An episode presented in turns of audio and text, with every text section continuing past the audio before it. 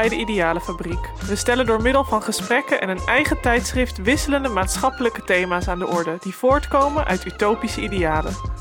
We zijn er om mensen en ideeën met elkaar te verbinden, om te inspireren tot nieuwe zienswijzen en te ondersteunen daar waar nodig. Luister mee naar artikelen uit ons tijdschrift Andersland, waarin onze thema's vanuit verschillende hoeken bekeken en uitgelegd worden. Praat mee via onze website of sociale media.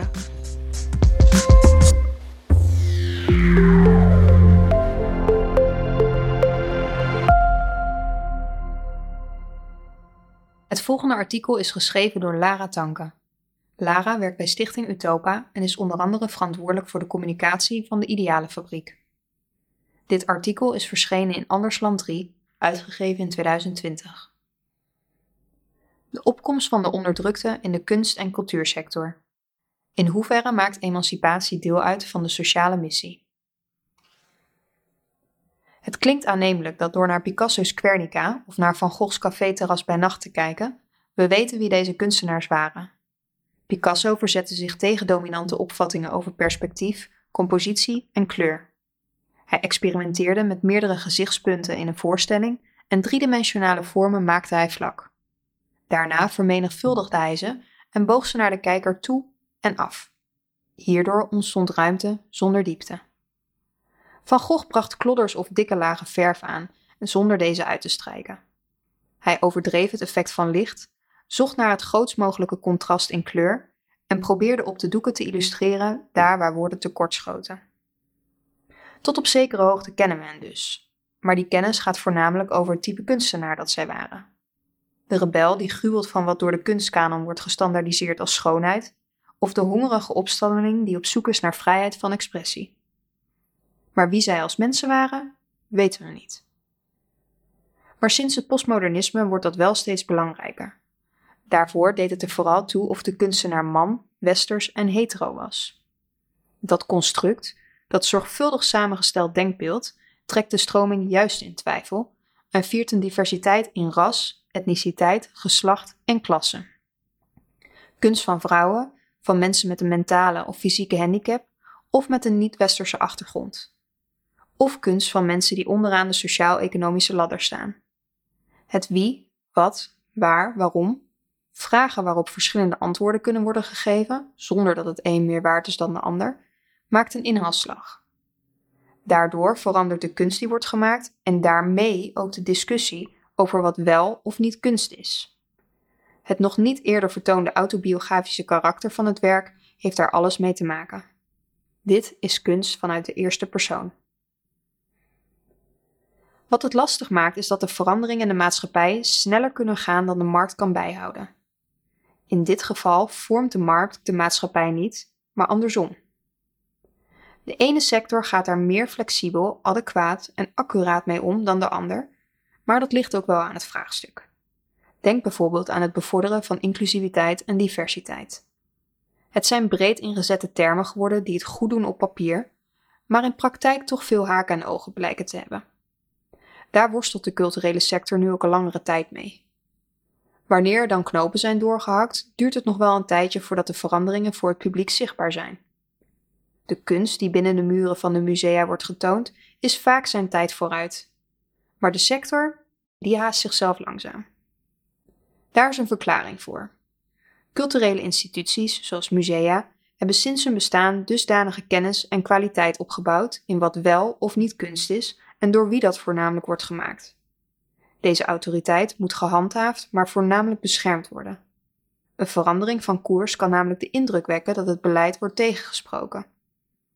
Om dat te voorkomen worden nieuwe feiten en waarden geïnterpreteerd vanuit het eigen kader. Hierbij kan gedacht worden aan musea die zich voorheen richten op een specifieke stijlperiode, maar nu hun blikveld verbreden door werk van hedendaagse kunstenaars met diverse achtergronden aan de collectie toe te voegen. Op papier is dan het bestand van kunstenaars uitgebreid en gediversificeerd, maar de werken zelf vallen nog wel in de stijl van hoe de zogenoemde meesters het voor ogen hadden. Op die manier kan het nog altijd aan het publiek worden gepresenteerd als kunst. Uiteraard is de sector niet te vergelijken met organisaties die zich richten op het stimuleren van maatschappelijke belangen. Maar kunst en identiteit zijn niet los te koppelen van elkaar. Daardoor wordt het meteen ook een politieke kwestie. Meer betrokkenheid, minder partijdigheid en een accurate beeldvorming. Daar gaan inclusiviteit en diversiteit over. Dat gaat verder dan het afvinken van hokjes, voorrangsposities, quota's of goede bedoelingen die vooral sprekend zijn op papier. Dat dat lastig is, is begrijpelijk. En ondanks dat de voorgaande alinea's misschien het tegendeel bewijzen, is er ook de welwillendheid zichtbaar. De sector is bereid om vragen te stellen, om aannames te verwerpen, om vooruit te denken in plaats van achteruit. Het probleem is echter dat er enerzijds moet worden gezorgd voor een hedendaags beleid dat een scala aan mensen, zienswijzen en creatieve uitingen viert, en anderzijds moet ook het eigen imago beschermd worden. De vraag is of daar een balans in is. In de volgende alinea's wordt u meegenomen in de komst van outsider art in hedendaagse musea. De stijgende populariteit van het label is een treffende metafoor voor hoe cultuur wordt gevormd, zowel binnen als buiten de muren van culturele instituties. Hierdoor wordt ook de spanning blootgelegd tussen het bewaken van een consistent imago en het doel om inclusief te zijn. Uiteindelijk zal blijken dat bij het bevorderen van emancipatie meer komt kijken dan het afvinken van een checklist. Outsider art, een definitie.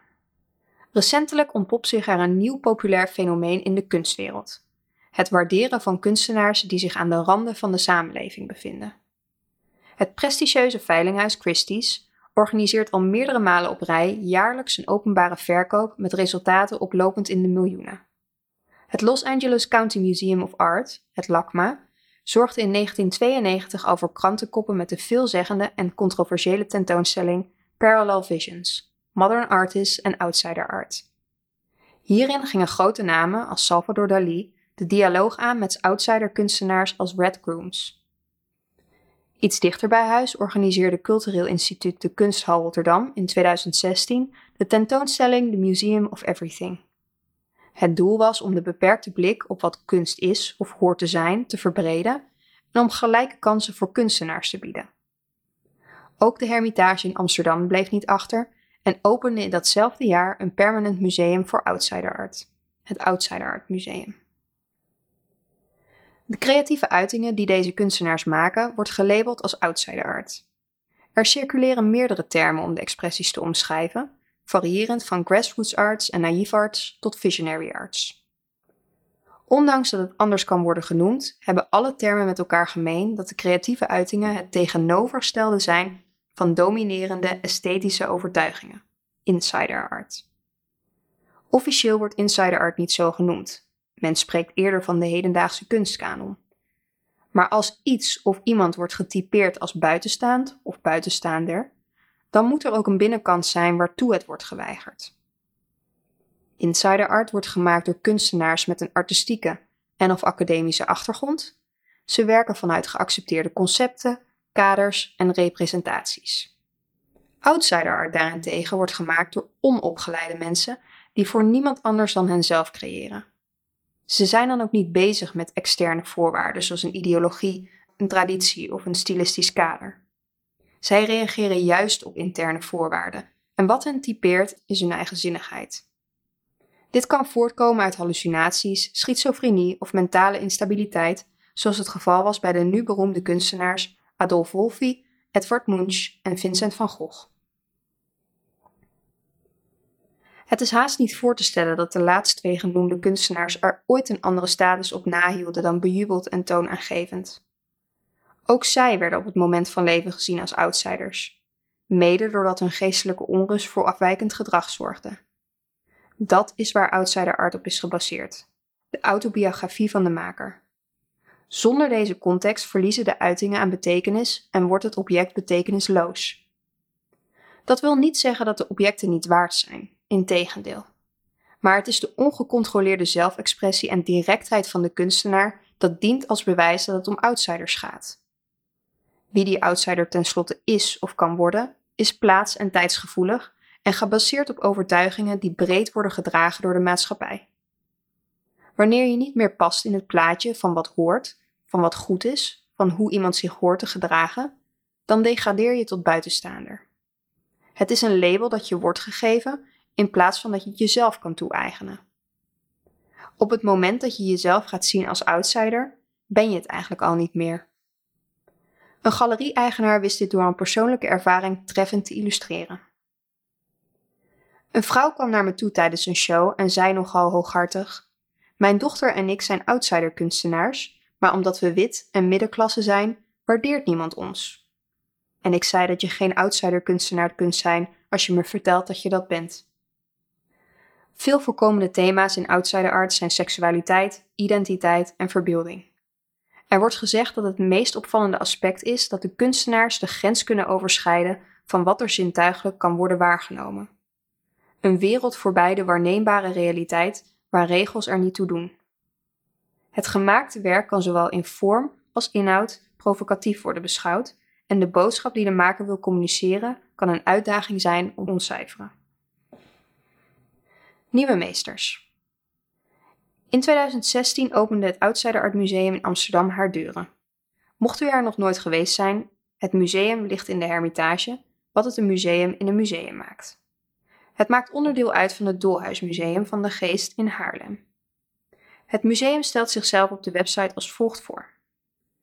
In het Outsider Art Museum is ontwapende, verrassende, niet gepolijste kunst te zien. Toonaangevende werken van nationale en internationale outsider kunstenaars. De makers zijn vaak mensen die maatschappelijk niet zo gezien worden. Ze zijn niet besmet met de artistieke, culturele trends.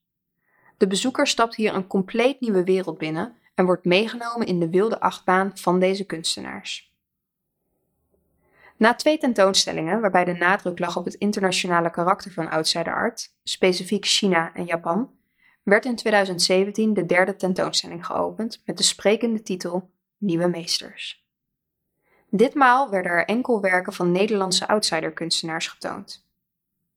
Daarnaast werd gevierd fotograaf Sander Toelstra gevraagd om de kunstenaars vast te leggen op beeld, zodat deze bij de werken konden worden geëxposeerd. Het leverde prachtige zwart-wit portretten op. Bij sommigen was de afwijking duidelijker zichtbaar dan de ander. Het syndroom van Down is bijvoorbeeld meer eenvoudig te herkennen door de stand van de ogen en de korte ledematen. Naast de foto's was er ook een video te zien, waarin was vastgelegd hoe Toelstra de portretten maakt en hoe de kunstenaars aan het werk zijn in hun eigen kleine studio. Wat deze tentoonstelling dus bijzonder maakte, is dat de bezoeker voor het eerst kon zien wie de werken had gemaakt. In plaats van je als bezoeker af te vragen wie de outsiders zijn, werd die vraag al beantwoord door het in beeld te brengen. De outsider in een wereld van insiders. Of je nou wel of niet een keer in een museum bent geweest, over het algemeen zijn de reacties hetzelfde. Witte muren waar kunst op wordt tentoongesteld. Dat is de meest samenvattende omschrijving waardoor mensen een bezoek aan zich voorbij laten gaan of niet. Tentoonstellingen worden ingeleid met textuele context. Bij het ene museum wordt daar een heel boekwerk aangeweid en andere houden het op enkele regels. De kunstwerken worden voorzien van kleine tekstblokjes waarop het jaartal en de naam van de kunstenaar staan, en indien overleden wordt er ook nog de periode van leven vermeld. Maar heeft u ooit een tentoonstelling bezocht waar een foto van de maker naast het werk hing? Waarschijnlijk niet, want dat is onder bekende omstandigheden niet nodig. Net zoals er een bepaalde willekeurigheid is om te bepalen of iemand wel of niet een outsider is, zo geldt dat ook voor de waarde van een object. Is het kunst of is het gewoon een object? Objecten hebben geen intrinsieke waarde. Dat wil zeggen dat geen enkel aspect in het werk per definitie kunst maakt. Denk aan de kleur, het soort verf of een bepaalde schildertechniek. Wat kunst is, wordt sociaal bepaald. En om ervoor te zorgen dat er geen verwarring is of wat kunst is en wat gewoon een object, wordt er door professionals gediscussieerd om overeenstemming te bereiken. De vraag die daarin leidend is, is als volgt. Hoe kan het ongewone acceptabel genoeg zijn om kunst te kunnen worden noemen? Dat is geen eenvoudig proces, maar uiteindelijk hangt het oordeel in grote mate af van de heersende opvatting over esthetiek. Het object moet voldoen aan de verwachtingen van wat schoonheid is. Al de elementen, bijvoorbeeld het visuele en het tactiele, moeten met elkaar te verenigen zijn en al die onderdelen moeten los van elkaar bijdragen aan de waarde van het object. Al met al moet het interessant genoeg zijn om een unieke reactie op te wekken door de verschillende combinaties. Maar outsider art is niet gebaseerd op traditionele verwachtingen van wat kunst is of hoort te zijn. Het proces van legitimatie, zoals hierboven beschreven, loopt op die manier dan ook anders. De zogenoemde poortwachters, de mensen die de kunstwereld en de omlopen van werken als het ware beschermen, vieren het ongebruikelijke karakter van outsider art. Weliswaar doen ze dat door de nadruk te leggen op de identiteit van de maker. En vervolgens wordt die dan gebruikt om te rechtvaardigen waarom het de plek aan de muur verdient, in plaats van de bezoeker ermee te informeren, zoals gebruikelijk wordt gedaan in de vorm van een inleiding voorafgaand aan de tentoonstelling. Culturele instituties dragen op geen enkele manier de verantwoordelijkheid om uit te leggen waarom iets wel of geen kunst is, omdat ze beschikken over de culturele autoriteit. Een concept dat in 1982 door Paul Starr werd geïntroduceerd. Het benadrukt de macht van organisaties om bezoekers een bepaalde waarheid op te leggen. Op het moment dat deze autoriteit begint te wankelen, worden er plannen gemaakt om te voorkomen dat instituties als verwarrend overkomen. Outsider art kan namelijk, maar vele malen ook niet, de associatie oproepen van een kind dat een tekening heeft gemaakt. De voorstellingen kunnen op verschillende manieren worden benaderd, op zijn kop, diagonaal of een kwartslag gedraaid naar links of rechts. En de vraag in hoeverre dit verschilt van een zesjarige die zich enthousiast op het tekenvel stort, is geen ongebruikelijke vraag. Al is die vraag niet per se alleen van toepassing bij outsider art. Maar door expliciet te vermelden dat het om outsiders gaat, bijvoorbeeld vanwege een crimineel verleden of een fysieke of mentale beperking, wordt er impliciet benadrukt dat het werk niet beoordeeld moet worden volgens de richtlijnen die gelden voor insider art. Dit wordt omzeild door andere autonome en artistieke standaarden toe te passen. Een gesprek tussen een kunsthandelaar en een geïnteresseerde illustreert dit. Heeft hij een opleiding gehad? Nee. Oh mooi. Is hij zwart? Het creëert een wereld waarin er een wij en een zij bestaan, het normale versus de andere. Het kan alleen kunst zijn omdat het gemaakt is om er buiten te staan. Outside of the inside. Zij als curiositeit, als bezienswaardigheid. Nieuwe Meesters moest vermoedelijk een ode zijn aan deze ongetreden kunstenaars. Er is natuurlijk ook een verschil tussen een museum dat zich alleen richt op outsider art en een museum dat opeens besluit een tentoonstelling te organiseren vanuit een andere context. In het eerste geval gaat het op de opbouw van kennis en kunde voor een langere periode. In het laatste geval gaat het om een kortstondige viering van het onbekende, een inkijk in het fascinerende ongebruikelijke. Het gaat hier niet om goed of fout, maar om de intentie om structureel aandacht te bieden aan een sociaal, cultureel en maatschappelijk probleem. Juist om die reden is het ook belangrijk dat een open dialoog mogelijk blijft om te groeien. Want wat er gebeurde door de portretten naast de werken op te hangen, is dat de kunstenaars nog steeds bezienswaardigheden blijven. Het maakt ze opnieuw of nog steeds kwetsbaar. Gevierd kunstenaar Marina Abramovic koos in haar installatie The Artist is Present om zelf het middelpunt te zijn. Dagenlang zat ze in het Museum of Modern Art, MoMA in New York, op een stoel en konden bezoekers tegenover haar gaan zitten.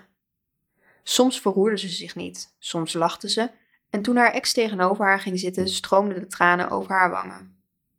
Abramovic koos er zelf voor om zich zo kwetsbaar op te stellen. Zij eigende zich de ruimte toe om te reageren op haar omgeving. Zij kreeg de ruimte. Wat geef je en wat neem je? Een vraag die elk instituut en elk kunstenaar zichzelf kan stellen. Maar wanneer het gaat om culturele minderheden, zou het geen vraag of keuze meer moeten zijn. Dan moet er enkel nog sprake zijn van geven, het geven van ruimte, het geven van een eigen stem. Dat is waar emancipatie om draait. Emancipatoire transitie. Het voorbeeld van de tentoonstelling Nieuwe Meester staat niet op zichzelf. In feite is het een metafoor voor hoe er in de kunstwereld met minderheden om kan worden gegaan. Een beleid dat zich achter de schermen afspeelt en dieper gaat dan quota's, diversificering op de werkvloer en aandacht voor maatschappelijke kwesties. Een beleid waar de bezoekers niets van meekrijgt. Op de vraag hoe het anders zou kunnen zijn geen definitieve antwoorden. Als de oplossingen voor het oprapen lagen, dan werd het papier gebruikt om over iets anders te schrijven. Maar, zoals auteur Maarten Doorman in zijn boekje De Navel van Daphne treffend verwoordt, moeten musea eens een stap terugzetten in het applaudisseren voor het verleden en zich beginnen hard te maken voor een cultuur die nu bestaat. Een ondernemend beleid waaruit spreekt waarom het wordt gedaan en dat gelooft in iets wezenlijks anders dan voorheen. Als de kunst- en cultuursector als een van de kerntaken heeft om te weerspiegelen wat er in de maatschappij afspeelt en tegelijkertijd door samenwerking met kunstenaars ook nog eens meer zicht geeft op wat gaat komen, waarom maakt het zich dan ook niet meer hard voor een emanciperende functie die het ook moet hebben? Wat ik om die reden dan ook voorstel is het integreren van een nieuw kunstecosysteem. Gezonde ecosystemen zijn open levensgemeenschappen waarin de mate van diversiteit de stabiliteit bepaalt. Des te meer organismen aanwezig zijn en er relaties tussen hen bestaan, des te meer dynamisch en duurzaam het evenwicht zal zijn. Het is geen gesloten systeem, maar juist een nauwe samenwerking tussen individuen van verschillende soorten die langdurig deel uitmaken van elkaars omgeving. Ze zijn in symbiose en strijden met elkaar in plaats van tegen elkaar. In het nieuwe kunstecosysteem draait het om variatie en uitwisseling.